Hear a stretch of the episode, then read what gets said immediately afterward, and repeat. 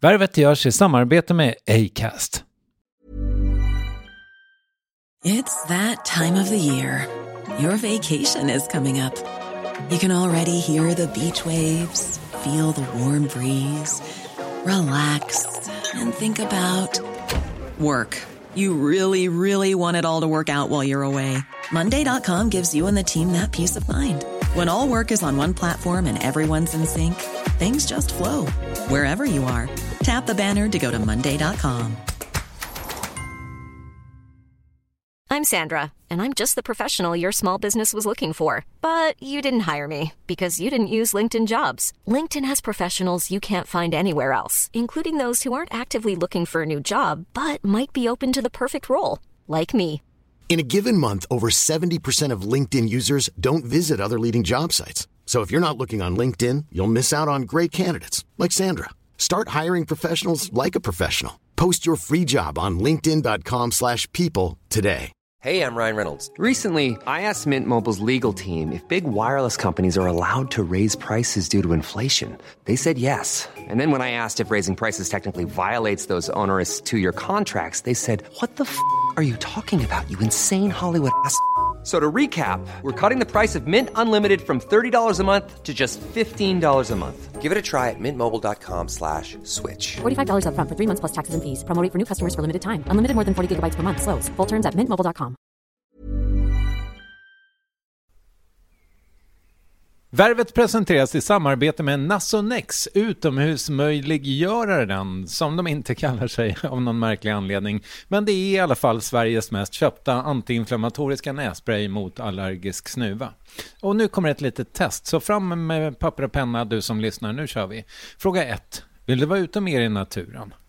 Fråga 2. Sitter du framför en skärm lite för mycket? Fråga 3. Är du allergisk? Om du har svarat ja på någon av frågorna så tycker jag att du ska bege dig till beanoutsider.se. Jag vill för övrigt poängtera att Nasonex nässpray är ett receptfritt läkemedel från 18 år för behandling av symptom vid säsongsbunden och perenn allergisk snuva. Rådfråga läkare om du är eller tror dig vara gravid eller ammar eller om du planerar att skaffa barn, har en obehandlad infektion i näsan, nyligen har genomgått en näsoperation eller har en skada i näsan. Får ingen effekt inom 14 dagar eller om du redan använder läkemedel med kortison ska du kontakta läkare. Använd ej mer än tre månader utan läkarkontakt. Stort tack Nasonex och beanoutsider.se.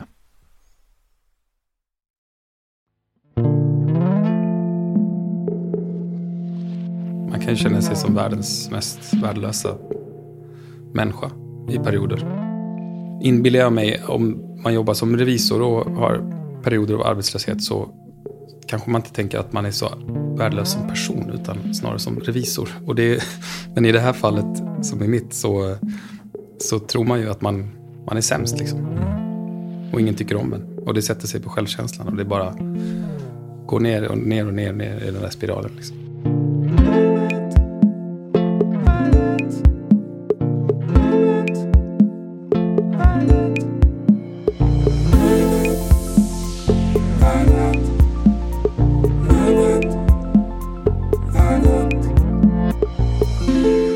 Om du bor i Sverige och gillar populärkultur så minns du kanske vintern 2021. Den 17 januari det året slog en bomb ner i landets tv-apparater.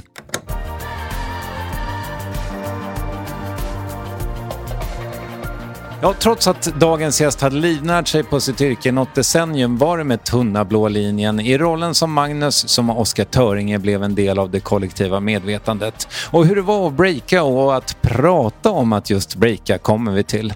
Först ska sägas att Oskar är barn till Sanna Töringe och Anders Granström, den senare också han skådespelare. Och varför det är relevant, det får du veta om en liten stund i det 564 avsnittet av Värvet. Eh, när jag researchade dig, skådisbarnet Oskar Töringe, du är ju lite av en nepo-baby som man säger nu för tiden. jo, precis. Eh, så studsar jag på en grej. Och det är att, eh, nu kommer jag lägga ord i munnen på dig, men det känns som att du kapitulerade för skådespeleriet.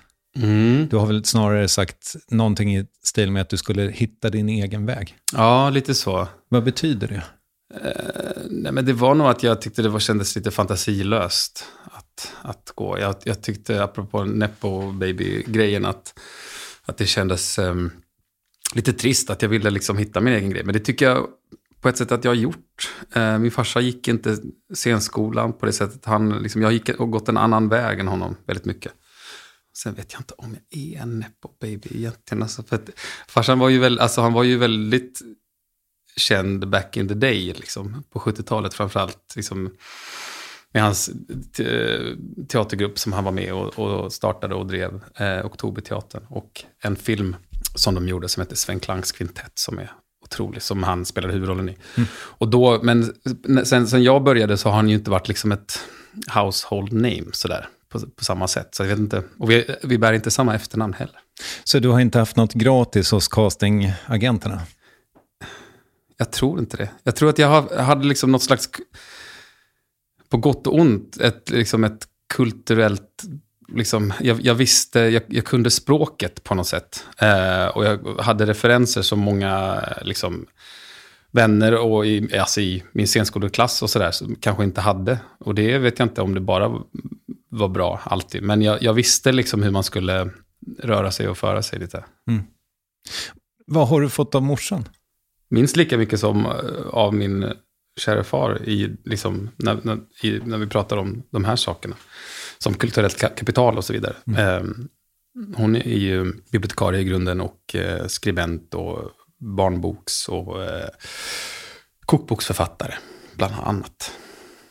Så hon har mycket, hon, är, liksom, hon har alltid varit frilans och suttit hemma och skrivit och skrikit på oss att vi ska vara tysta och sånt när vi är hemma. Mm. Men, men har du skrivit så mycket? Eh, inte så mycket alls, eh, faktiskt. Okej. Okay. Så det har jag inte fått av henne än så länge. Nej. Men det är aldrig för sent. Nej. Men för att, ja, egentligen, full disclosure, jag tycker att det är svårt med er skådespelare för att jag har en... Eh, det finns ju vissa frågor som återkommer helt enkelt och mm. en av dem som jag ofta undrar, och det är nog för att jag tänker så här, okej, okay, hur skulle det vara nu då? Nu blir det ett stickspår ett stickspår. Mm. Men eh, jag tänkte ju att jag skulle bli skådis. Eh, jag gick på, på grannfolkhögskolan eh, från där du gick. Ehm, jag gick på Östra Grevi. Ah, ja, ja. Som var lite mer light. Eh, men, och därför så har väl det här varit fascinerande för mig, så här, för det var väl lite sliding doors. Om jag inte hade haft så svår scenskräck så hade jag kanske också varit skådespelare. Då. Men, men då har jag tänkt sådär, men hur är det med det där att man inte att man i så liten grad bestämmer själv vad man ska jobba med. För att det är liksom, man är i händerna på regissörer och castingagenter mm. och, och, så vidare. Och då har jag liksom återkommit till frågan så här, vad man... Ja, men, skrivandet ligger ju nära till hands, tänker jag, mm. som något slags sidogig då för att känna att ja, men där har jag i alla fall kontroll, mm. så att säga. Men har du haft andra saker där du har haft kontroll, eller har du haft kontroll i själva? Ja, jag tänker att jag... Jag tycker det är rätt härligt att bara liksom föras hit och dit av andra och, och dras in i spännande olika och mindre spännande sammanhang. Men att det är liksom någonting, eh, det är någonting ganska balt eh, ur ett liksom livsperspektiv. Att man bara flänger och flyter med på något sätt.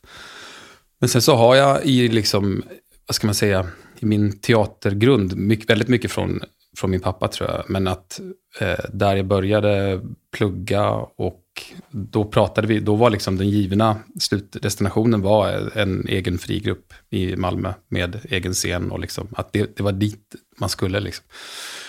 Och vi startade en sån, men ähm, ja, sen så kom alla in på scenskolan och, och, blev individualister och ville satsa på egna karriärer. Så, då, men, så det har jag hela tiden som, eh, jag går liksom och eh, fantiserar och drömmer och fnular på vad det där skulle kunna bli. Att, ja, men ett, eget, ett eget hus, ett, liksom ett, ett kulturhus, teaterhus, en, en scen, en, vad det kan vara, en grupp. Mm. Var ska det ligga? Jag vet inte, vi, länge pratade vi om att, det, att, att vi skulle göra som på 70-talet. Liksom, att, för de, då, kulturpolitiken såg väldigt annorlunda ut då. Så min pappas grupp, de startade nere i Lund, men sen så var det en kultur politiskt driven eh, person i eh, Södertälje som hörde av sig, som liksom bara handplockade dem och eh, liksom värvade dem till, till Södertälje och gav dem en egen scen och en, liksom ett eh, verksamhetsstöd och allting. Så att Eh, och sen så körde de. Så att, men och, nu är inte Södertälje en liten stad, men då har vi pratat om att vi skulle göra det i typ, ja men i Nässjö eller i kanske lite större Falun eller något liknande. Där, det, där kulturlivet har liksom, där det har, ja, där de får sitt Riksteatern en gång i halvåret eller någonting och sen så finns det inte så mycket mer. Så eventuellt finns det en bio och så. Alltså den typen av storlek på stad. Att man fyller ett hål verkligen. Ja, lite så. Och att, att, att gå också lite motströms. Det här var ju liksom 15 år sedan vi, vi hade de här samtalen. Men jag tror fortfarande på det, att det här urbaniseringen och det som vi också gjorde uppenbarligen, att alla flyttade, de allra flesta i alla fall, flyttade till storstäderna och satsade på sig själv och så vidare och karriär istället för att liksom se var, var, var finns det plats, var, var finns det behov, snarare än liksom att man går dit eh, där jobben är då, helt Mm. enkelt. Vad vad härligt. Berätta om den första gruppen då, för det låter ju spännande. Ja, det var, inte riktigt, alltså det var inte riktigt en frigrupp på det sättet. Det var ju en amatörteaterförening som vi var, och sen så, det var ju eh, ja, ideellt på alla sätt och vis. Och, eh, men vi var amatörer och glada amatörer. Första och enda pjäsen jag gjorde där var eh, ett ihopsatt verk på något sätt som kallade, vi kallade det för Shakespeare i baren. Jaha. Så vi spelade på Stortorget i baren där. Stortorget kan man säga är en restaurang va? Där Ja, alla- precis. Eller vi spelade inte det, vi spelade, det ligger precis bredvid liksom. Men det var, ja, det var en, en lite märklig idé. Så var det liksom ma- massa olika scener från ja, Shakespeares mest kända verk. Och så, så de här karaktärerna möttes och utspelade sig saker. Det låter kul. Ja, det kanske det var alltså. Det var, det var väldigt roligt i alla fall. Ja. Men eh, ja, det, det känns som att det här håller på att gå lite åt skogen för mig. För att jag hade ju... Jag hade en misstanke, nämligen en fördom, om att du trodde att det skulle bli musiken som var din grej. Nej, det är en fördom. Där är är både min syster och min bror mycket mer begåvade än vad jag är. Och det, jag hade aldrig den liksom från, från början. De spelade instrument och jag kom in på eh, ett musikgymnasium bara... Du ser. Ja, jo, men visst, jag kan liksom famla mig fram i den där världen. Men eh, jag var ju sämst i klassen. Liksom. Alla var ju duktiga och hade ett eh, första instrument. Och jag kallade mitt, min sång för ett första instrument för att jag inte hade någonting annat. Liksom. Så då, ja.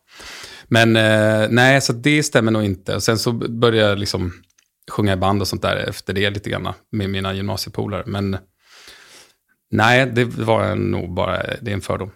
Är du, är du minstingen eller mellan? Minst. Okej. Så vänta, vad är det för spridning på er då? Eh, Jag har två äldre bror och en sju äldre syster. Det är så ni gör det. Ja, så jobbar Det ska vara stor spridning på tre Ja. barn. Ja. Så då är du klar nu. ja. Ja. Grattis till det. Tack. Eh, har du minnen från Södertälje? Nej, det har jag nog inte. Jag har bara några bi- bilder och liksom... Ja, historier som kanske man har liksom skapat ihop och mm, modellerat ett minne. Men jag tror inte, inga, inga knivskarpa så. Har du minnen från att liksom sätta ner bopålarna i Lund istället? Ja, det, det har jag. Eh, där träffade jag min första bästis Ossian. Eh, vi blev kompisar direkt eh, då när jag flyttade dit när jag var fyra. Och sen så hängde vi ihop liksom hela vägen. Det är ju häftigt. Mm. Men, eh, så det fanns inget mått av trauma i att liksom... Nej, jag minns inte så. Min syster var ju äldre, hon var ju 11. Så att jag, men hon har inte beskrivit det som något, något jobb, någon jobbig flytt. Sådär. Det kanske hjälper att... eh, För Lund är ju... Nu, jag har aldrig bott där, men jag har bott bredvid. Eh, Känslan är ju att det är rullians. Folk är liksom vana vid att det kommer en ny kille i Ja, förskoleklassen, så att säga. Kanske. ja, det är möjligt. Så har jag nog aldrig sett det. Alltså, vi, jag såg det mer som att det var två, två läger. Alltså dels så var det studentajävlarna och sen så var det vi liksom som bodde i Lund. Så jag, ja, den, den bilden delar jag inte riktigt. Alltså att det, var, att det var så, utan man bodde där så var vi lundensare liksom. Det där känner jag ju också igen. Det är väldigt, eh, om man då i 20-årsåldern någon gång på 90-talet åkte in till Lund för att man liksom ville gå ut. Mm. Det var väldigt eh, mycket stängda dörrar Ah, ja, okej. på något jävla... Liksom, Men det var ju en bra sätt. tid att gå ut i Lund snarare än Malmö, eller? Åkte ni inte mycket in? På, det var ju mejeriet och liksom... Iggy Pop spelade fan i Lund på 90-talet. Gjorde han säkert. Tror du att jag minns någonting från 90-talet? Nej, kanske. Jo, det gör jag. Lite. Men, men eh, ja, eh, men, eh, för mig kändes Lund liksom som att det, om man verkligen ville känna sig utanför, då åkte man dit. Jaha, okej. Tog man Pågatåget, kände sig utanför ett par timmar och sen åkte man hem till Malmö igen. Där, det var lite varmare tyckte jag. Okej. Men du, eh, hur var det att växa upp där då? Du behöver inte ta det kronologiskt, men Nej, men det, ja, det var perfekt alltså, eh, skulle jag säga. Det var, ehm, det var tryggt och det var fint och det var lagom stort och det var... Utan att överhuvudtaget nämna liksom närheten till Malmö, för dit åkte vi fan aldrig. Vi var livrädda för Malmö. Det var först liksom... Ja, men typ när, vi blev, alltså när man blev 18, liksom, som man började åka in kanske. Um, nej, men det, var, det fanns allt liksom. Det var, eh, det var en perfekt uppväxt. Um, vad, för, om du liksom ansluter dig till en amatörteatergrupp, då har du ju någonstans upptäckt att eh, det här ändå är någonting som lockar. Ja. När hände det? Ja, men jag tror att det var så här att det var för att jag var så fruktansvärt dålig i skolan och hade så urusla betyg. Så att jag hade liksom inga framtidsutsikter. Och då hade jag liksom, med mina klasskamrater, eller de som tog studenten samtidigt som jag, hade ju alla 20 och 0 eh, på den tiden. Och alla skulle ju liksom eh, bli läkare eller jurister eh, på en gång. Och Okej. jag hade liksom inte en suck. Jag hade väl åtta år på komvux om jag skulle liksom komma ikapp dem. Men Eh, eh, hur kunde du vara så dålig? Eh, jag, jag var slapp liksom. Jag skolkade mycket. Jag gjorde... eh, Pluggade inte till prov. Jag vet inte. Jag, jag, jag, jag hade inte det konse- Förmodligen så liksom överprivilegierad så att jag inte hade det där konsekvenstänket med mig. Att jag, det här kommer gå åt helvete. Och hur mycket mina föräldrar än var på mig så, så var det någon slags, jag vet inte om det var, man ska kalla det revolt eller det var bara slapphet eller liksom. Jag var liksom ingen, jag hade, hade, tyckte inte det var kul antar jag. Hade du andra grejer som var roliga? Ja, men som att röka cigg och typ hitta på dumheter. Det, det är kul. Ja, det får man säga. Herregud, ja. Ja, jag fattar. Men, och, men eh, hängde du inte med i högstadiet heller? Nej, där, där, där blir det ännu värre. Alltså, eh, vi hade en jävligt stökig mellanstadieklass. Alltså. Sydsvenskan skrev reportage om oss. Vi var avverkade klassförståndare på klassförståndare. Folk slutade, det var hemskt alltså. Och sen, eh, jag tror också det var en sån här tuffhetsgrej, alltså som kille, att jag, att man skulle vara, alltså, det var inte coolt att vara bra i skolan helt enkelt. Mm. Mycket det också. Men vad fan, ändå kom, du kommer ju bevisligen in på gymnasiet, så... Ja, jag kom in på gymnasiet. Ja, ja. Alltså, det, där, jag har väl alltid balanserat den där också för att inte liksom för, förödmjuka släkten. Eller jag vill inte hamna fullständigt utanför. Det, det, så mycket fattade jag. Men jag hade, jag hade ofullständiga gymnasiebetyg. Så jag, ja. Men sen så, nu har jag pluckade jag faktiskt upp mina betyg sen efter. Eh, bara för att liksom, av princip, för att jag ville ha fullständigt gymnasiebetyg. Så det har jag numera. Snyggt. Tack. Men eh, gjorde du det långt efter? Nej, nej, bara några år efter. Gjorde du lumpen? Nej. Vad gjorde du efter gymnasiet? Men då började liksom eh, mitt liv. Då eh, fick jag jobb, då flyttade jag till Malmö. Då tänkte jag, nu, nu, nu måste jag, nu ska jag gå min egen väg här. Så blev Malmö min stad. Det var liksom ingen av, av mina, min familj som hade någon relation till, till den staden då. Så jag var först in där och fick jobb på Tempo bar och kök. Där har du säkert hängt då, på den tiden, om Oskar, du minns det. om jag har hängt. Ja. Jag var där, jag, jag skulle rent hypotetiskt kunna vara den första som hade en krita, Ah, ja. en lista i, i, i kassaapparaten. Ja, men det var liksom enormt så här, eh, karaktärs... Vad ska man vad heter det? Bildande, danande eh, för mig. Eh, det var väldigt så här, formativa år och jag började, jag höll på med teatern vid sidan om lite grann. Sökte folkhögskolor och hade liksom någon slags riktning i det. Samtidigt som jag hade verkligen the time of my life på den där lilla kvarterskrogen som eh, väldigt många känner till och har varit på. Men ehm, Ja, det var så mycket, det var så många fina människor jag lärde känna där och ehm, ja, det var fruktansvärt roligt. Jag jobbade där i säkert i fem, sex år och sånt där. Till och från, jag, samtidigt som jag pluggade också parallellt. Är det här precis efter millennieskiftet? Typ, Ja, eller? lite senare, två, ja, Ja, precis. 2000, vad kan det vara? 2004, 2003, 2004 där. Ja, precis. Ja, då var min eh, krita betald. Ja. Jag hade Eller? flyttat därifrån 97. Nej, det är inte säkert i och för sig. Eh, men Roger hade nog bränt upp den eller något. Ja. Men ehm, jag tycker det där var så himla... Jag antar att du inte var där när de öppnade. Nej, Men det var liksom någonting helt nytt. Och, och på sätt och vis, är, det kanske är att dra lite stora växlar på det. Men det kändes... Alltså för det första så var Malmö en plats, tycker jag, alltså, och jag har en väldigt romantisk bild av det, men det var en, en plats där ingen...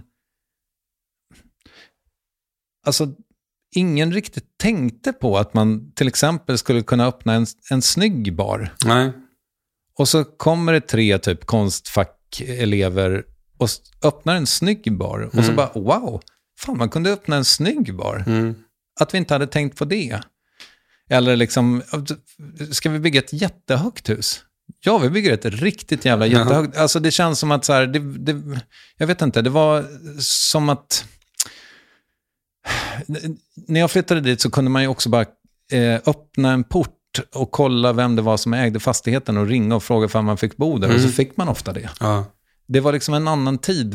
Folk tog inte för sig på något sätt. Nej. Och det känns som att eh, Tempo var li- kanske lite före sin tid då. Men sen byggde man ett jättehögt hus och så fick stan självförtroende på Mm. något konstigt sätt. Mm. Ja, det var... Folk, ja, men folk kan ju prata om... eh, Jag vet inte om det är så himla specifikt för Malmö. Alltså, på- folk kan ju prata om Hornstull på det där sättet också. Att det var liksom på tidigt 90-tal. Att det var fult och jävligt och liksom inget... Alltså, hände inte det där över hela Sverige? Sen var det vissa som var före andra eh, bara. Och det, alltså att, att de... Det, var, det fanns ju ingen liksom... Det fanns ju ingen bra plan med den där krogen. Eh, förutom att de var de liksom. Eh, så att de hade ju inget, inget liksom... Så som, det känns som att folk startar krogar idag. De stäcker upp liksom fingret i, i luften och, och tänker bara så okej men nu är det den här profilen vi ska ha. Vi ska ha det här käket, vi ska liksom utmana på det här sättet. Det här är det nya, det här är det, och så vidare. De gjorde ju sin grej och det var det som var så tilltalande för alla. Att... Ehm, men eh, ja, Det, var, det fanns inget koncept så att säga. Och- Nej, man men kunde- det, blev, de, stod- de, det blev det av. Det blev verkligen ett koncept. Ehm, men ehm, Jo, men det gick inte riktigt att paketera. Man, man hade Nej. inte kunnat öppna en Precis. Tempo i Göteborg Nej, och en i, nej, i Stockholm. nej. Och så hade det gått kanon. nej, jag har letat efter mitt tempo här i den här stan, men det är utan framgång kan jag säga. Är, det- är det inte Frippes? Nej, det är det verkligen inte. Alltså, Baba Jan är där jag jobbade under scenskolan, eh, nere precis vid eh, Orionteatern. Har du varit där? Nej. Väldigt trevligt. De, de har ju samma vibb, liksom, att, att de, det är sådana lite lätt excentriska karaktärer som, är, som driver och som jobbar där. Och det är på deras sätt och villkor på något sätt. Eh, och det kan ofta bli liksom manierat, tycker jag, när det ska göras. Det ska vara liksom en servitör kommer ut och ah, välkommen, nej, du, du, ska ha detta, du ska ha detta. Alltså när de...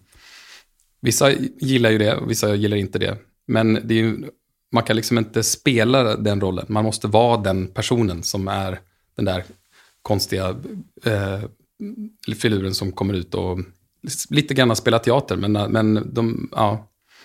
Och Babajan har det där också. De har en helt annan, helt annan profil, helt annan mat, helt annan liksom. Men de gör sin grej också. Eh, och där jobbade jag. Det var också väldigt kul.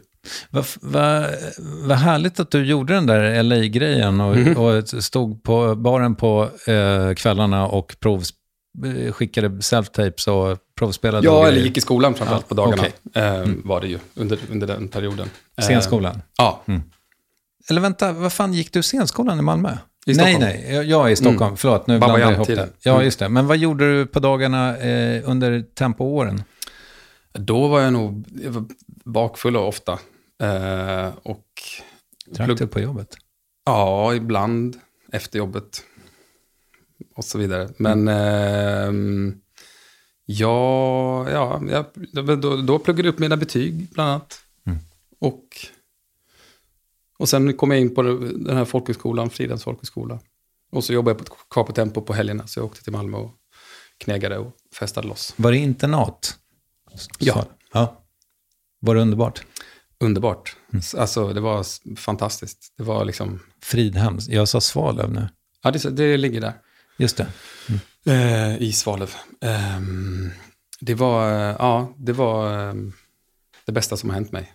Alltså det var, det var liksom så tillåtande, fint, varmt och alla de här olika linjerna. Jag tror att det var, eller vid den tiden hörde jag att det skulle vara Sveriges största internat.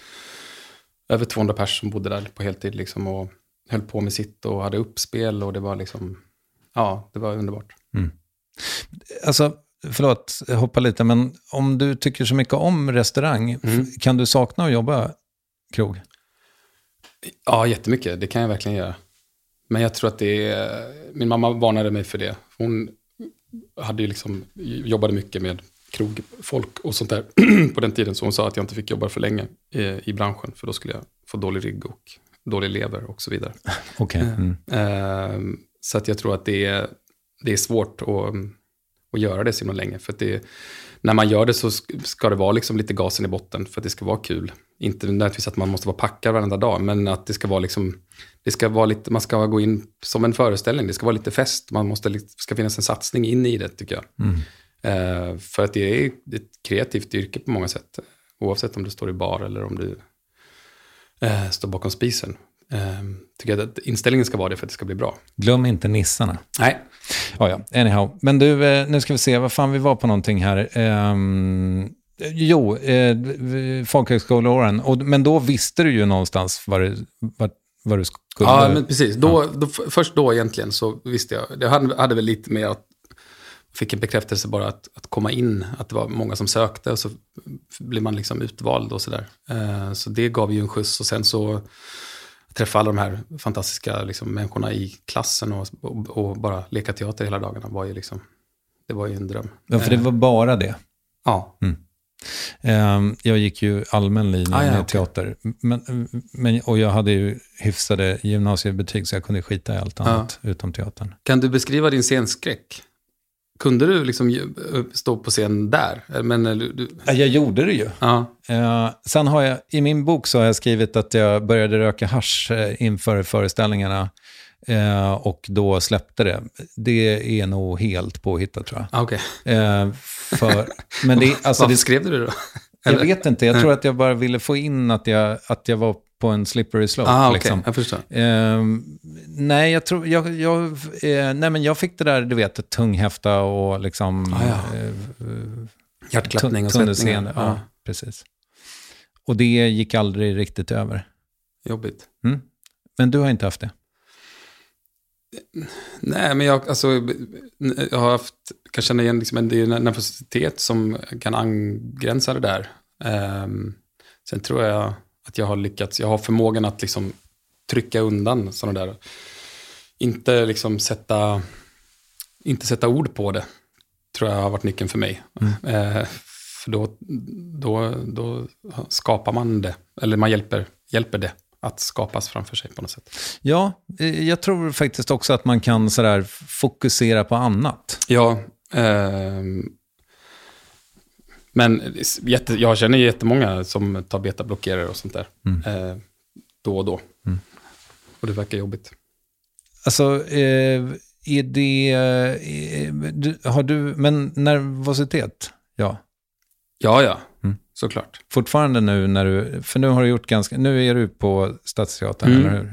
Ni har ett antal föreställningar kvar i skrivande stund. Ja, vi har gjort 70 snart här. Men eh, ja, alltså det, men det tycker jag um, ska höra till. Liksom.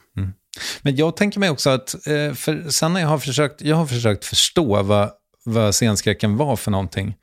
Och jag tänker mig att det handlar jättemycket om att det är en situation som man inte kontrollerar. Att man inbillar sig det.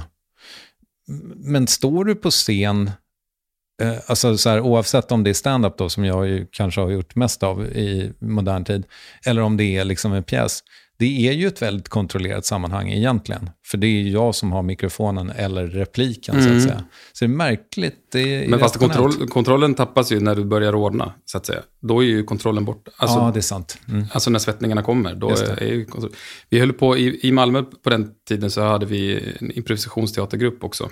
Eh, som vi spelade mycket på runt om i stan. Sådär. Eh, och det var nog en väldigt bra skola.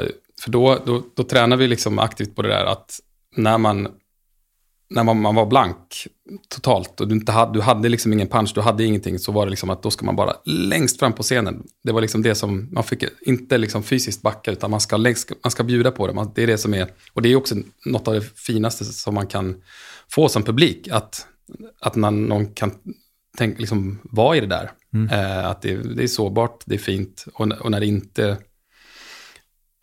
Det handlar inte nödvändigtvis om att, att äga och ta tillbaka kontroll, eller liksom, eh, utan att våga vara i, snarare. Mm. Eh, och sen så kan, ja, står man själv där så måste man ta upp bollen, och, eh, eller med hjälp av publik och så vidare. Men eh, i övrigt så finns det ju ofta en fin ensemble runt omkring en som man har byggt en sån gemensam trygghet. Liksom. Synd för dig att, att, att min eh, producent Ninni som klipper det här eh, var jättearg på mig för att jag pratade i en timme eh, impro med Pia Johansson, så det kommer inte bli så mycket av det nu. Men, men vad fint att du gjorde det. Mm. Eh, hur kom du in i det? Nej, men det var liksom den eh, traditionen. Det gjorde vi på folkhögskolan också. Alltså, det var jättemycket det. Susanne Osten och Keith Johnston och det pratade säkert ni om, du och Pia.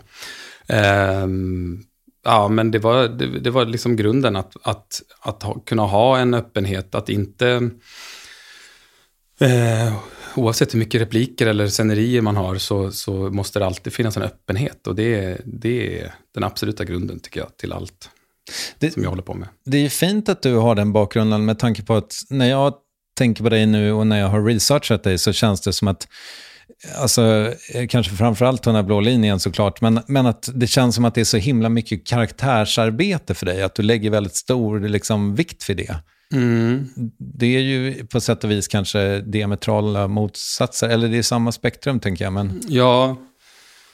Ehm, nej, men det skulle jag inte säga. Alltså, att, eller öppenheten och eh, liksom, möjligheten till imp- improvisation måste finnas där oavsett vilken som, vad, vilket fundament man står på. Vad, hur, vad liksom, vilken, eh, hur rollen är byggd och så vidare. Det tycker jag är två olika saker egentligen. Fast, fast de går ju i, ihop. Alltså, ja, du förstår nog kanske vad jag... Nej, inte riktigt, för det Nej. blev lite abstrakt nu. Eh, till och med kanske när jag ställde frågan. jo, men, eh, men ska vi prata lite om det då? För det kändes som att nu fanns det en härlig segway här Aha, aha. i just att faktiskt förbereda sig, liksom, att, att ta sig an en roll. Det känns som att du jobbar mycket med det. Ja, men inte, alltså inte mer än någon annan tror jag egentligen. Alltså det, nu har det varit så att den, den rollen i Tunna blå linjen var ju en, någonting som... Där utgick vi allihopa, hela den ensemblen utgick från polisyrket, eller den rollen och började leka med vad, men om jag vore polis, vad skulle jag vara för slags polis och hur är en polis och hur går en polis och så vidare. Att det var ju en absolut grundförutsättning för att det skulle vara det allra minsta trovärdigt. Eh, och det förstod alla väldigt snabbt. Liksom. Så att det jobbet gjorde ju alla.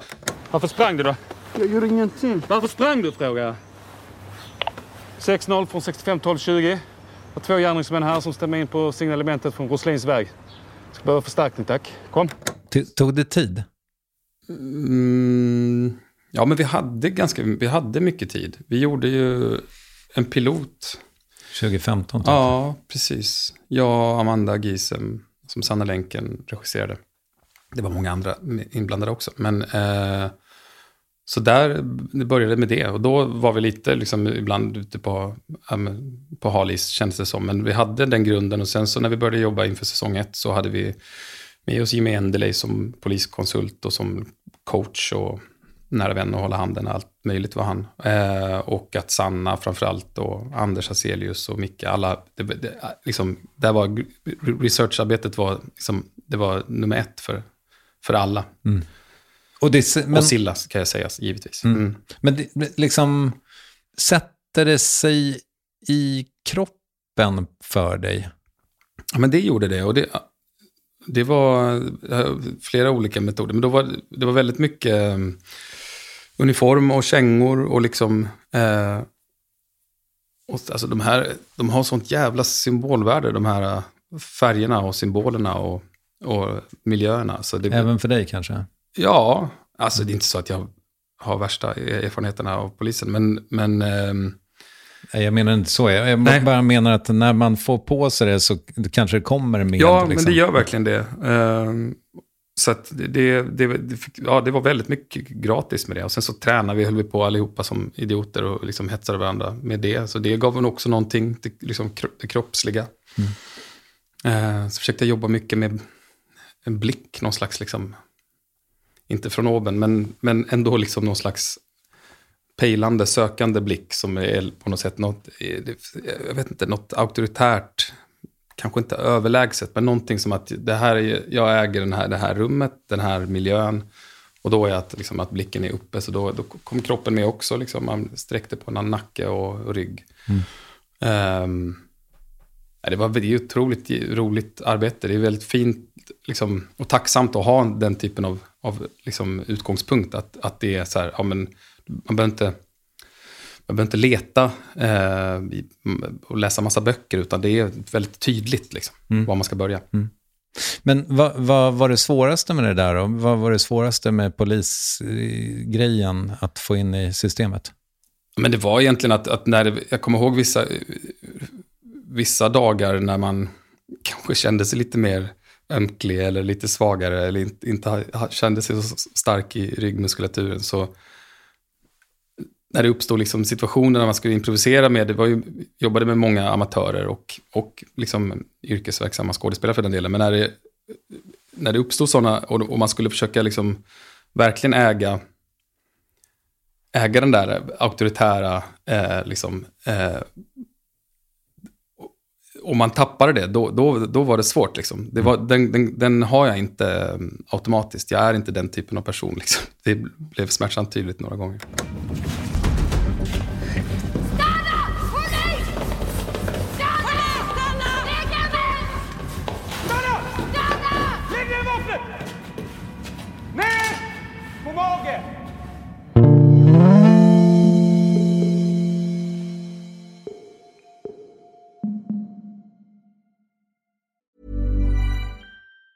If you thought the only way to get a more defined jawline with natural looking results was through surgery, think again. Juvederm Volux XC is a non surgical injectable gel filler that improves moderate to severe loss of jawline definition and can help you achieve natural looking results with little downtime. Even better, this improved definition lasts up to one year with optimal treatment. No maintenance required. Improve jawline definition for a smooth, sculpted look with Juvederm Volux XC. For important safety information and to find a licensed specialist, visit juvederm.com. That's J U V E D E R M.com. Not for people with severe allergic reactions, allergies to lidocaine, or the proteins used in Juvederm. Common side effects include injection site redness, swelling, pain, tenderness, firmness, lumps, bumps, bruising, discoloration, or itching. There's a risk of unintentional injection into a blood vessel, which can cause vision abnormalities, blindness, stroke, temporary scabs, or scarring. Talk to a licensed specialist to find out if it's right for you. Quality sleep is essential. That's why the Sleep Number Smart Bed is designed for your ever evolving sleep needs. Need a bed that's firmer or softer on either side?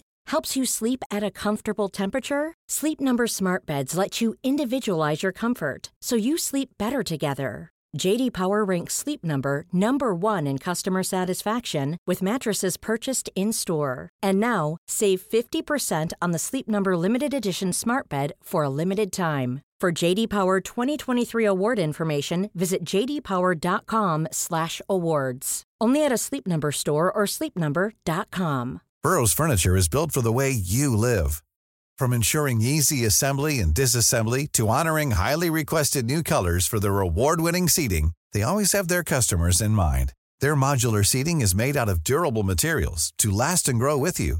And with Burrow, you always get fast, free shipping.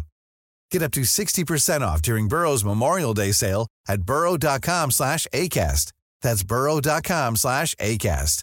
burrow.com slash ACAST.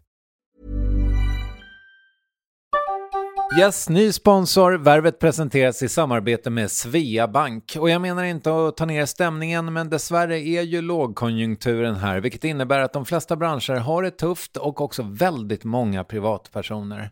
Jag vet själv vad det är att ha en trasslig privatekonomi. Det var struligt i många år för mig och låg ofta post i hallen med trista logotyper i ena hörnet och jag hade också i flera års tid ett helt gäng betalningsanmärkningar.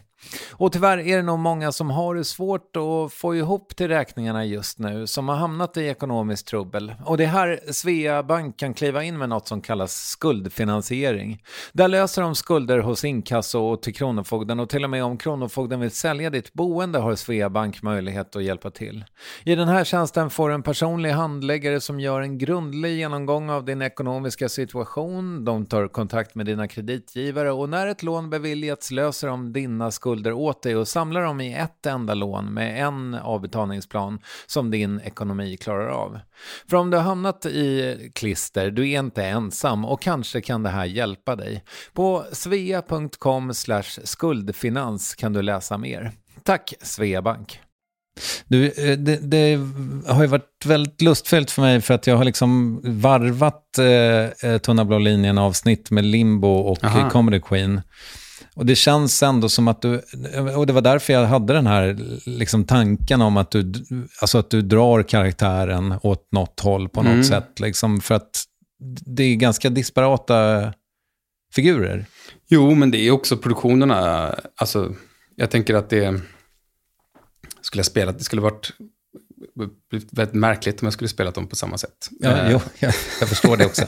Men, men i, har du inte kollat på syrror? Har du inte gjort din research? Nej. Ah, aj, Förlåt. Aj, aj, men, men det... Jag kanske ska säga det. Alltså Limbo är en ny tv-serie där flera familjer drabbas när barnen är med i en bilolycka. Och det är spännande att ställa den karaktären du gör där mot Magnus i Tunna Blå. För i Limbo spelar du en pappa som, ja det känns som att han har suttit vid en dator mycket. Ja, men det stämmer. Har han suttit vid en dator mycket? Ja, det har han gjort.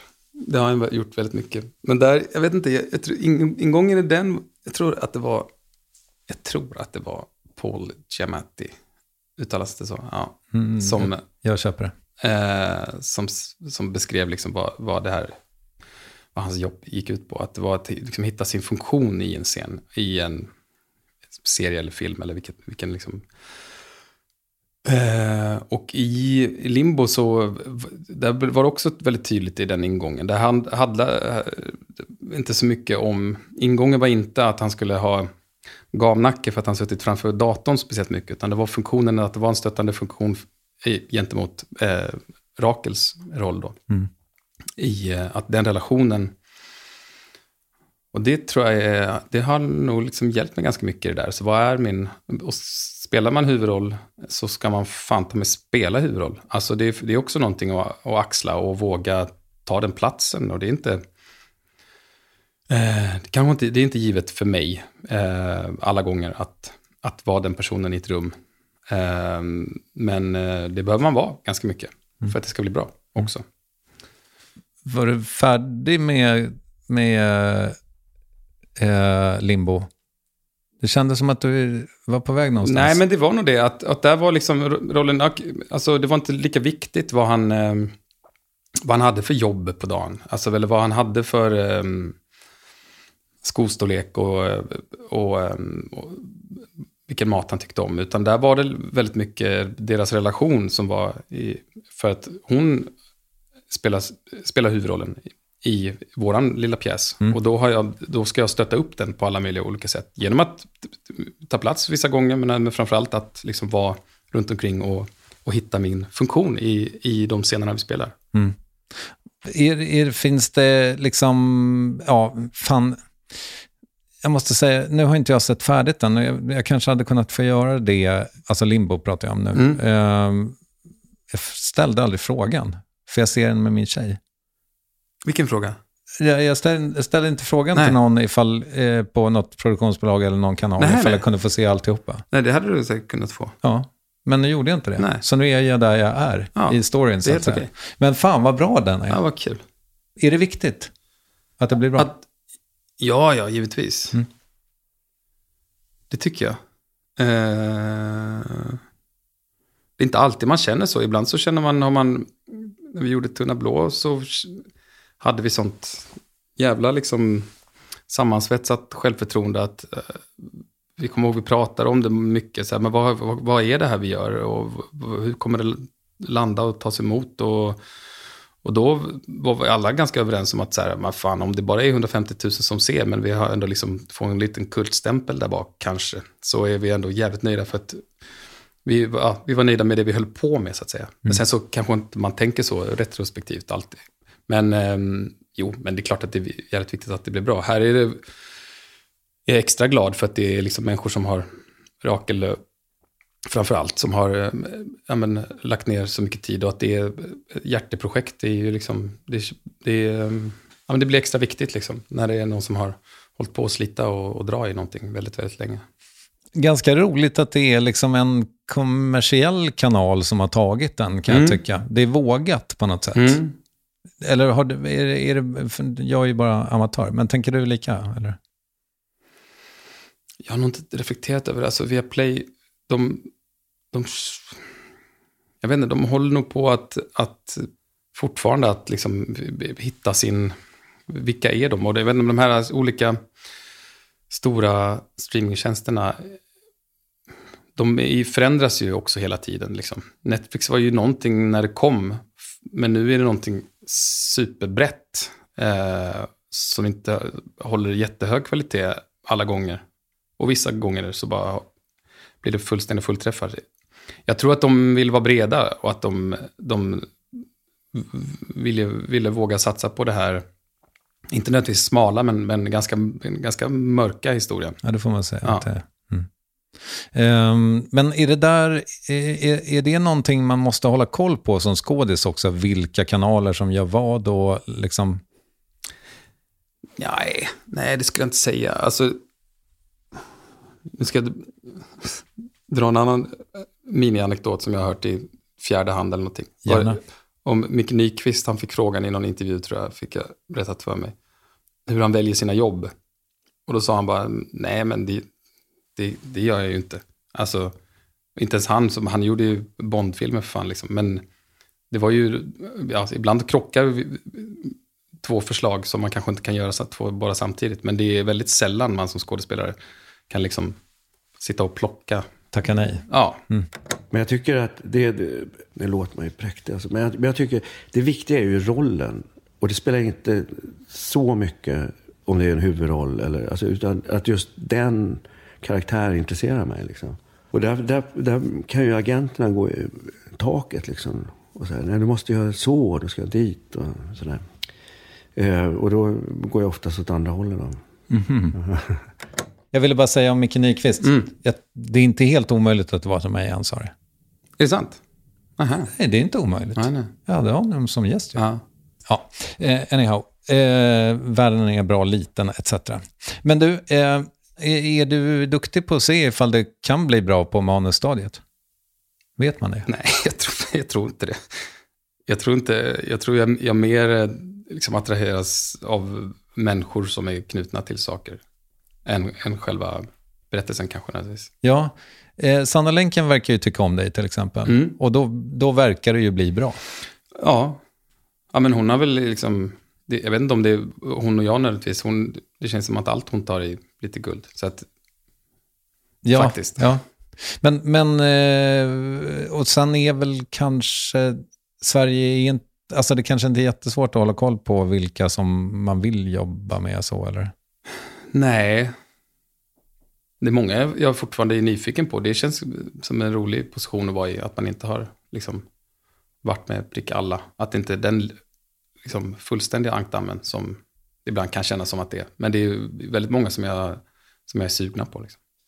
Men du, eh, apropå skådisar, eh, kollegor till dig. Eh, jag pratade med en kollega till dig om, om dig. Mm -hmm. Och eh, Han sa med största kärlek så här att fan vad kul att det har gått så bra för honom och att han, eftersom han är så bra. För vi skådisar är ofta jättebra, men det är inte alltid man får visa det. Liksom, utan man står på någon scen någonstans. Ja. och visa det för 28 pers i taget. Ja. Liksom. Har du tänkt på det? Ja, jättemycket. Alltså i den här typen av situationer som vi sitter i nu får jag ofta liksom... Eh, en vanlig ingång är inte, inte den här typen av situationer. I liksom snabbare, kanske lite lättare intervjuer som man gör för tidningar och så vidare så är det ofta en, en av de första frågorna så här, men hur känns det med genombrott eller break och så vidare. Och så då är jag alltid... Ja, känner mig lite allergisk mot det begreppet och så är jag noga och, och liksom påpeka att jag, jag har jobbat inte varit actor slash waiter utan varit skådespelare i tio år innan jag gjorde Tunna blå linjen. Mm. så att, ja, det är ju svinmycket tillfälligheter och, och det var ju liksom en jävla flax för mig eh, att jag fick lov att visa att jag var så bra som jag är eh, i den, vilket jag tycker att jag är. Eh, och bevisligen många andra som har tittat på den. Men ehm, så är det ju. Det är ju en, liksom enorma tillfälligheter och ehm, nu kommer ytterligare en anekdot. Apropå Micke Nyqvist, det var en, en eh, vi, på scenskolan så hade vi så här rundvandring och lite, ja, vi var lite prao på, på Dramaten och Stadsteatern. Och där träffade jag Pia Johansson, hon var, tog emot oss där. Och på Dramaten var det en skådespelare som tog emot oss som pratade om Micke Nyqvist, att han Eh, parallellt med Micke så var de liksom, de var up and coming och liksom hade, jobbade på, så var det liksom någon, någon sån där sliding doors, eh, när någon skulle fått Hamlet och den andra fick något annat. Och Micke fick Hamlet och den andra fick den andra. Och sen har, var han kvar på Dramaten, det här var ju liksom 25 år senare, och han var bitter för att det inte liksom Ja, men han kändes liksom, eh, det här hade hängt med honom och han, eh, han är ju fast anställd på nationalscenen. Så att det är liksom ingen, går ingen nöd på honom. Men han hade nog ändå något slags, det där stinget i sig. att det, För Micke fick visa det och så ja, fick han göra precis allt möjligt mm. efter det. Och det fick inte den här skådespelaren göra. Så det är ju de där tillfälligheterna hela tiden. Och det, så det ligger jättemycket i det. För de som jobbar är ju, de allra flesta är ju väldigt, väldigt bra. För de har hängt i mm. Eh, och jobbat liksom. Och då blir man bra. Men, men i, liksom, hur kom, eller ja, jag, jag ser ju verkligen lockelsen i det, men givet hur svårt det är att liksom ändå lyckas inom citationstecken som skådespelare, liksom, varför, jag, varför utsätter ni er för, för det? I mitt fall så, drivkraften var nog många gånger liksom i perioder då jag har varit arbetslös som precis alla andra av mina kollegor har varit också. Det, det hör ju till liksom. Men eh, då, liksom, när jag känt mig svag och, och eh, så har det nog handlat om att jag inte vill misslyckas på något sätt. Alltså det är, jag vet inte, det är en drivkraft, jag vet inte om den är så bra egentligen. Men att... Jag kan inte ge upp nu. Ja, men typ så. Mm. Och hur fan skulle det se ut? Uh, och då skulle man bara tänka på vad, hur det hade kunnat bli och så vidare. Om man hade hängt i. Mm, då hade du varit den där personen som visar runt på Dramaten. Ja, kanske. Mm. Men alltså, att liksom klara sig igenom de där arbetslöshetsperioderna. Eh, mm. Hur gör man det? Hur, alltså, det måste ju ta på en, tänker jag. Ja, enormt gör det ju. Alltså man kan ju känna sig som världens mest värdelösa människa i perioder. Och så ska du in och provfilma och må röv. Ja. Och, och, och, och precis måla upp de där, eh, det där nyckelhålet framför sig och se de där oddsen och se kanske stöta ihop med någon som är på väg ut från den här provfilmningen när man är på väg in och känna, ja just det, men han har ju gjort det här och det här och det här. Jag har ju inte en suck liksom. Mm. Eh, ja, det är ju pisstufft alltså. Det är det. Jag vet inte vad mer jag ska säga om det. Det är liksom jag... Ja, jag har varit där, jag kommer säkert hamna där igen, eller på att säga. Men det är liksom inte... Det där går ju liksom i, i vågor det där. Jag, ja, det är, det är skithårt liksom. Och det, det, det är så hårt för att inbillar jag mig, om man jobbar som revisor och har perioder av arbetslöshet så kanske man inte tänker att man är så värdelös som person, utan snarare som revisor. Och det, men i det här fallet, som är mitt, så, så tror man ju att man, man är sämst. Liksom. Mm. Och ingen tycker om en. Och det sätter sig på självkänslan. Och det bara går ner och ner och ner, ner i den där spiralen. Liksom. Mm.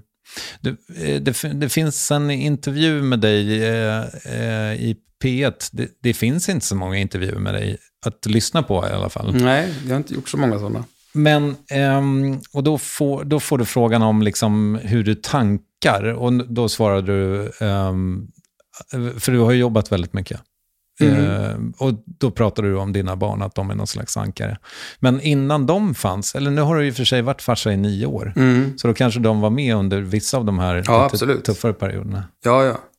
Men då, eh, alltså under de tuffa perioderna, då var det verkligen, då kunde jag, då kunde jag gå runt och lossa, även om jag hade barn som gick i förskolan, så kunde jag liksom hänga på lekplatser och, och, och låtsas att jag var föräldraledig. Lite så. Okay. Eller, mm. ja, eller och, ska, ska jag säga, att jag kunde verkligen se, ja fantastiskt att jag kan vara mycket med mitt barn nu, för att jag har mycket tid över. Mm. Och jag försökte verkligen se de, de enorma fördelarna som, som det fanns med det. Även om vi kanske inte kunde åka på värsta semestern just den sommaren, så, så tänker jag att det var en period som man inte får tillbaka och att jag liksom hade, hade mycket tid med, med dem då. Mm. Har, har, du haft lätt för, att, kanske för privatfråga, men har du haft lätt för att vara farsa? Ja, det har jag absolut haft. Faktiskt ganska lätt, utan att vara, låta kaxig här. Men min farsa var en sån här superfarsa som hade ett barn på höften och ett som drog i, i brallorna och så står han och lagade mat och sjöng en sång för samtidigt och sånt. Mm. Jag kan tycka det är, krog, krogsvängen har ju, det har ju liksom det där, vad heter det, när man gör flera saker samtidigt. Tappar ordet bara. Ja, multitasking ja. säger jag nu. Ja, det var något annat jag sagt, skitsamma. Ja. Men, men det där är, det, där, det var en bra träning att jobba, jobba på krogen. Mm. Uh, för det, det, har, det har jag haft mycket glädje av med mina barn, att just göra det där. Mm. Och samtidigt försöka vara liksom, kanske prata med dem. En, en sak som jag tycker har varit fin med dig också, som li, lite lyser igenom i dina svar, det är, eller ja, det här, nu kanske jag går händelserna för, eller att jag läser in för mycket, men, men jag har fått bilden när jag lyssnar på andra intervjuer med dig, av att dina föräldrar är en stor del av ditt liv. Mm. Eller att, ni, alltså, att du är en familjeperson liksom. Ja, familjeperson. Alltså jag har ju skaffat familj. Jag tänker, jo men alltså jag förstår, jag vet inte om jag skulle säga att jag är en familjeperson. Min, min, liksom, min originalfamilj är väldigt viktig för mig, min, både mina syskon och mina föräldrar. Um, uh, och min frus familj uh, är väldigt viktiga för mig. Uh, så att det är jag nog. Jag har någon slags idé om att det där ska jag nog ta tillvara på, för det är långt ifrån alla mina vänner som som ser fram emot att åka hem över julen till sina föräldrar. Mm. Att det är, um, har man det bra med dem så, och, ja, och de blir äldre liksom. Um, och i andra länder där, där liksom hör det ihop att där ska man ta hand om dem när de blir gamla. Det gör vi inte här liksom. Uh, nu är inte mina föräldrar så gamla så att jag behöver ta hand om dem, men någon dag så kommer de vara det och då vill jag nog kunna göra det liksom. Inte bara um, skicka iväg dem någonstans för att jag är trött på dem. Mm och tycker att det är nice. Liksom. Jag tror att jag har pratat om det förut. Nu visade det sig ju att Tegnell verkar ha haft rätt här. Mm. Eh, vilket var lite provocerande för mig, för jag kände ju lite grann att vi kastade liksom ja, men 20 000 pensionärer under bussen mm. för ingen ville ha dem. Mm. Eh, och det är lite så här, eh, om jag, man då, min tjej är fransyska, ja, men där är det ju alltså att man skulle sätta mormor på hem mm. i hennes familj. Alltså det vill ju ingen, allra minst mormor själv. Hon skulle mm. ju aldrig tillåta det. Liksom. Utan folk får komma till henne och ta hand om henne. Så är det bara. Mm. För att hon gjorde det med sina föräldrar, etc. etc. Ja, jag vet inte varför. Jo, men jag sa det apropå det du sa. Eh, jo, men precis. Men sen är det intressant att fråga sig vad som är hönan och vad som är ägget. Att de inte har det samhälleliga bygget på något sätt. Att de inte har det i samma utsträckning som vi har här. Eh, om det är så att de får dras med sina gamla sura, dementa eh, far och morföräldrar. Nej, men jag tror att om man tittar... Eller om det är en kulturell grej. Ja. Jag tror att det är dels en kulturell grej, sen så tror jag att det är liksom en, en och jag vet inte om det här är provocerande eller triggande för någon, men att det är en avigsida av feminismen. För i i Sydeuropa eller USA framförallt kanske, där är det liksom legio att man är hemmafru. Och är man inte hemmafru, ja då ser man till att mormor och morfar är där för Mm. barnen. För man har inte råd att jobba båda två och ha barnen på dagis. För det är Nej. dyrare att ha dem på dagis än att och, eh, jobba. Typ. Mm. Och då blir man en tajtare familj därför att man får eh, Facetime med alla inblandade. Mm. Och vi har byggt bort det Mm. genom att ha dagis, som det inte heter, utan förskola. Mm. Och så vidare. I don't know. Mm. Där har du två av mina fem cent. kan det ligga något i det? Ja, det tror jag. Pjäsen följer ett framgångsrikt band som återförenas efter tio år isär. Och allt filmas av ett dokumentärt filmteam. Nej men hon gick mitt i loppen va? En sak som jag undrar över för dig är ju så här, du är ju het, kan man säga. Det har, det har gått bra. Ändå så går du och ställer dig på Stadsteatern, i och för sig en topp två scener i Sverige. Men, men varf, varför väljer man teater när man kan filma? Nej, men jag tror inte, alltså det var, som återgå till Micke Nyqvist, så var det inte, eh, jag hade inte, om jag inte hade tagit det så hade jag inte haft så mycket att göra den här hösten, eh, faktiskt. Okej. Mm. Ehm, inte som det såg ut då, eller som det, ja, det har liksom inte poppat upp jättemycket grejer. Det, är ju- eh, men för att det var ehm, en regissör som jag, en av få som jag liksom har jagat sen C-skolan och velat jobba med. Mm. Och, ehm, Alexander Mörkeidem. Ja. Mm. Framförallt var det han. Och, ehm, och sen, ehm, jag vet inte, med facit i hand, alltså nu pushar vi 60 000 sålda biljetter. Så det, och det har varit liksom en av, som jag har förstått det, en av de liksom större publika succéerna på Stadsteatern de senaste, jag vet inte, 15 åren eller någonting. Mm. Det kanske är skarvar, jag vet inte. Det får vara så. Jag tycker eh, vi kör på det. Ja, Mm. eh, så det, ja, det har varit helt fantastiskt och jag skulle aldrig göra det ogjort. Alltså, det är inte... Och ska, ska jag verkligen säga att jag, jag hörde av mig till Stadsteatern och, och sökte jobb där. Liksom. Eh, så att, och för att jag, då hade jag inte stått på scen på tre år. För att jag hade filmat mycket. Och, Det hade varit en pandemi också. jag- ja. Mm.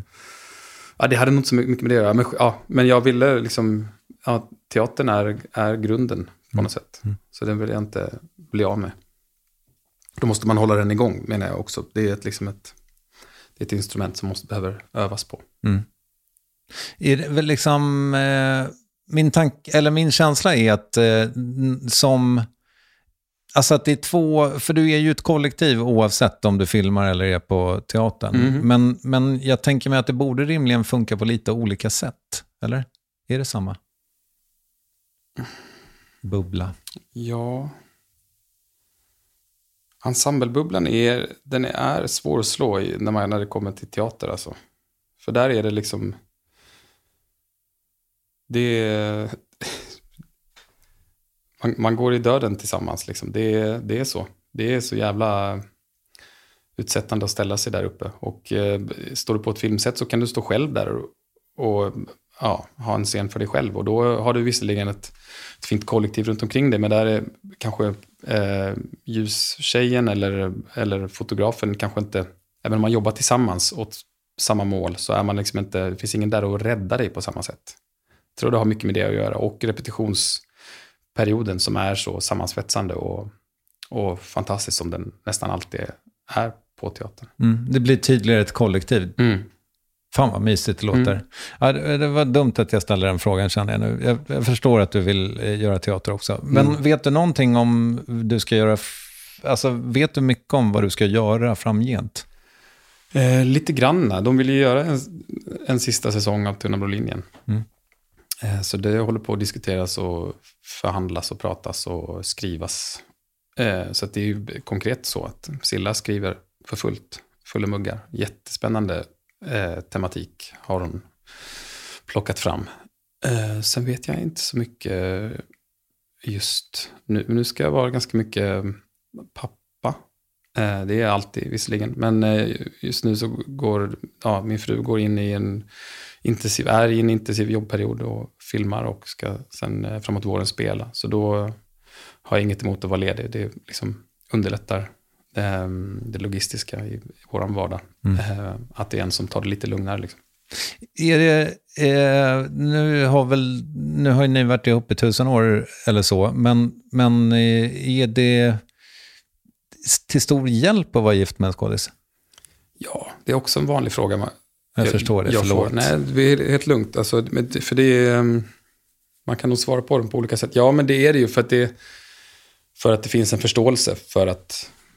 ehm, och att man kan... Um, framför allt är det ju att vi kan bolla och hjälpa varandra konstnärligt. Liksom, och ha spännande, intressanta samtal kring, kring jobbet. Men eh, just det, det log- logistiska kanske inte alltid är så optimalt. Nej, det kan Eh, jag förstå. Men det, det kommer bra saker ur det. Liksom. Nu vi spelade vi båda ganska mycket nu under hösten. Eh, och då fick våra barn lära sig hur det är att ha barnvakt två dagar i veckan. Och det är det ingen som dör av, tror jag, om man, barnvakten är snäll. Mm. Ehm, och sen ja, finns det ju fördelar liksom på andra sidan att man kan ha perioder av arbetslöshet då man kan verkligen vara pappa. Fint. Trivs du med livet? Ja, ja jag tror det. Okej. Vilket är ditt största problem? Eh, att det är nog balanserna och få ihop det på något sätt.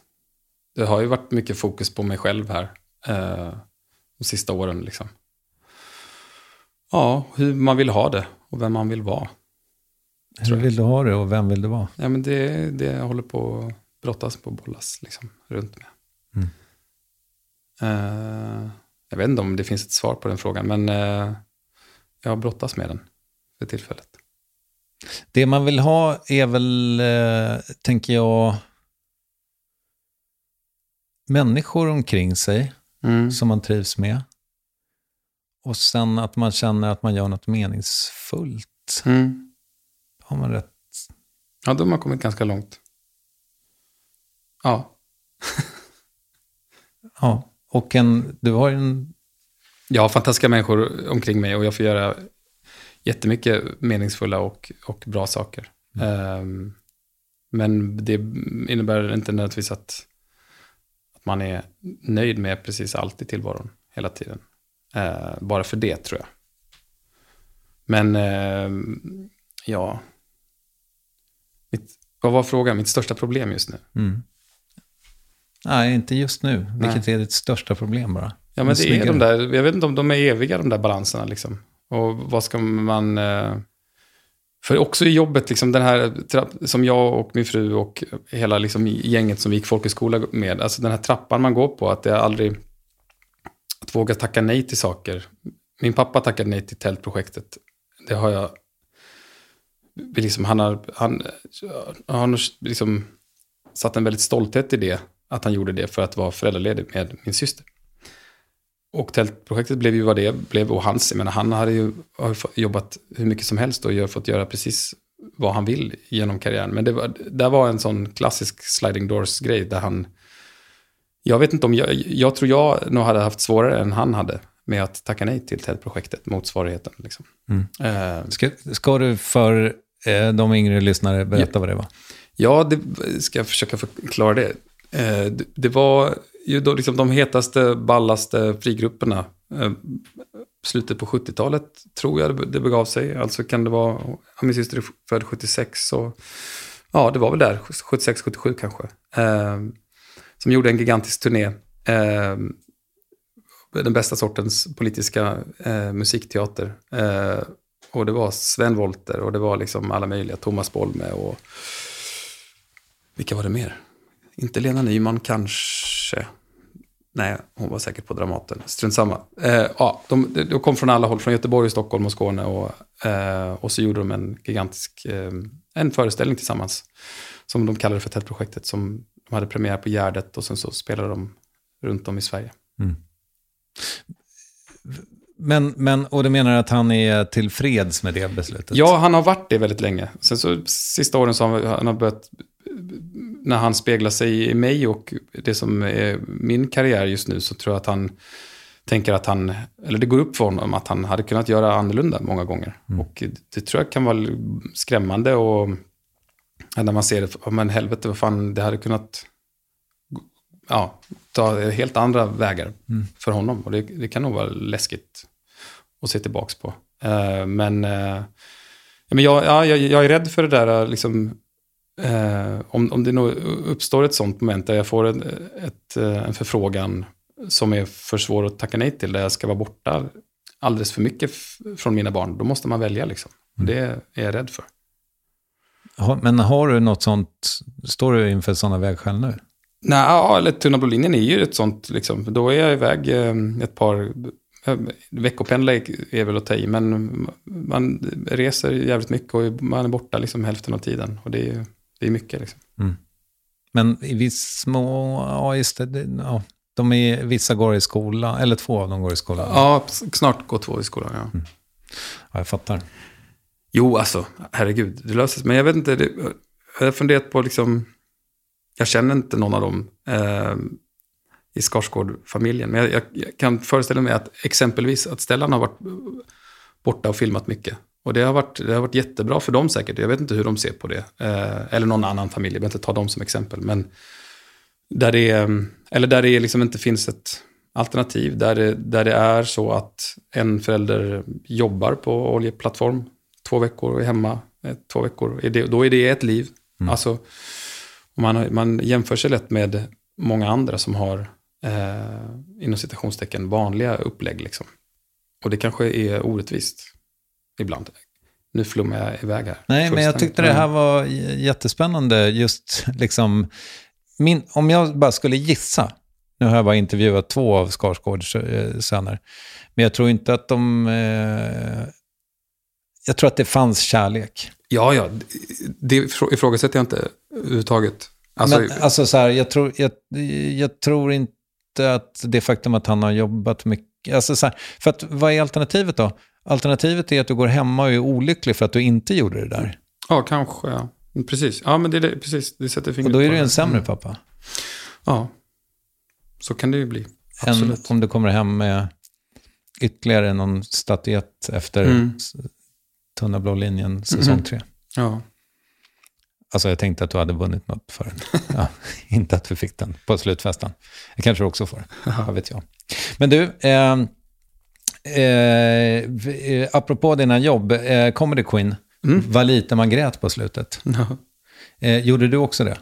När jag såg den? Ja. Ja, det gjorde jag. Jag såg den. Jag har sett den många gånger, men jag har sett den med min dotter framförallt. Eh, vi var på bio tillsammans. Det var väldigt fint. Då grät vi ihop. Ja, vad gjorde ni det? Vad roligt, eller vad fint på något Mm. sätt. Ja, den, den blir ju jättefin tycker jag. Men tyvärr pappa. Du är bra på jättemycket saker. Du är verkligen det. Men inte på att vara cool. Eh, Var det ett uttalat krav från dig att du skulle se ut som Håkan Hellström? Nej, det var, det var, framför, det var Sanna Länkens eh, förtjänst. Eh, att hon ville att jag skulle vara en st- stor kontrast till, mitt, eh, till min snutfrilla Mm. i tunna blå. Och det, det blev det. Det, det, kan man säga. Men likheterna med Håkan Hellström, jag kan inte vara den första som... Nej, nej, det var någon rolig, det var en jätterolig kommentar som i de första så här, ny, Nyhetsmorgon-intervjuerna vi gjorde efter när, när den hade premiär, Tunna blå linjen. Och någon som kallade mig för, vad fan var det? Det var något om Håkan Hellström och Frodo hade fått ett kärleksbarn eller något sånt där. Det var taskigt i och för sig. Ja, men också roligt. Ja. Det, ja, jag såg ju ut så. Eh, Är det, eh, det- har du svårt med komplimanger? Ja, det tror jag. Ja, Varför det? jag vet inte. Det får min terapeut svara på, eller vad säger jag? Jag vet fan. Alltså, Ring hen. Ja. Eh, för att, eh, för att Jante, för att, eh, jag vet inte. För en halvtimme sedan så sa du att du liksom hade fått det för att du var bra. Och att du tycker det. Jo, men det, det försöker jag träna mig själv i, att liksom slå mig själv på axeln lite grann. Och tuffa till mig. Okej, så du, du- du bottnade inte alls i det där du sa för en stund sedan? Att jag är dålig på att ta komplimanger? Nej, att du är bra. Jo, jag bottnar i det. Det tycker jag egentligen. Men jag har ingen lust att sitta, sitta och skrävla om det sådär. Mm. Jag tycker det genuint. Det är jag absolut. Så jag, självförtroende har jag. Men eh, eh, jag försöker, ja. Liksom ödmjuk blygsamhet på något sätt också väldigt mycket. Du är jättebra. Tack.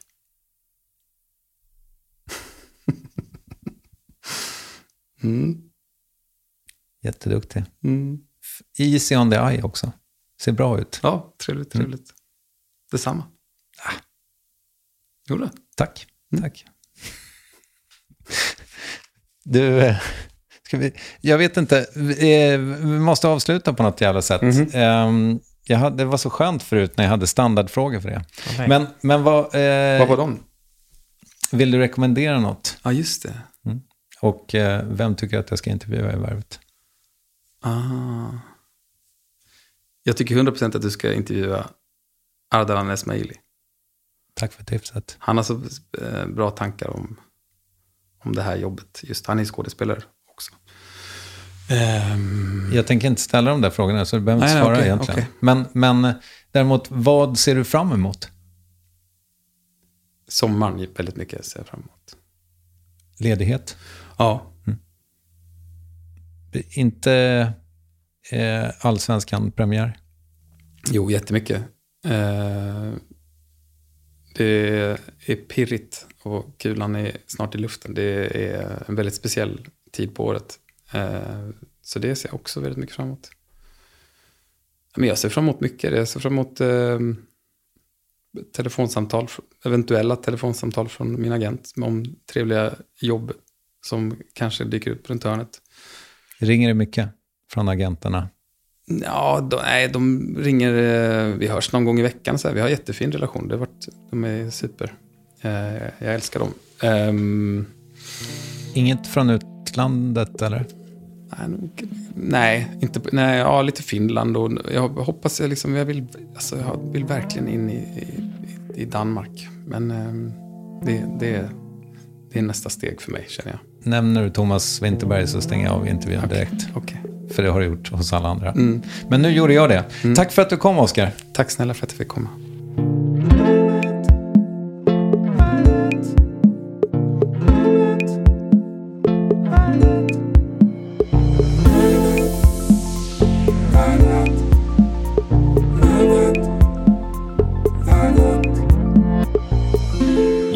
Oskar Töringe. Och innan jag pratar färdigt om honom ska jag säga, eller påminna om, att Värvet söker dig. Eller någon du känner kanske. Vi ska nämligen ha sommarvikarier i juli. Fyra till antalet och tre av dem har jag bestämt alldeles själv. Men det fjärde, det är upp till er som lyssnar. Så har du en idé till en intervju, ja men skicka då ett DM på Instagram till varvet, snabela varvet. Och jag vill verkligen uppmana alla att se Limbo, en jättefin och jobbig och modig serie där Oscar Töringe alltså ser ut att ha suttit vid en dator och han gör det fantastiskt bra. Även i Comedy Queen Queen eh, är en otrolig kanonbok som blev film. Se den. Med det tackar jag, Kristoffer Triumf, Ninni Westin och Acast för idag. Hoppas vi hörs om max en vecka. Kram, hej!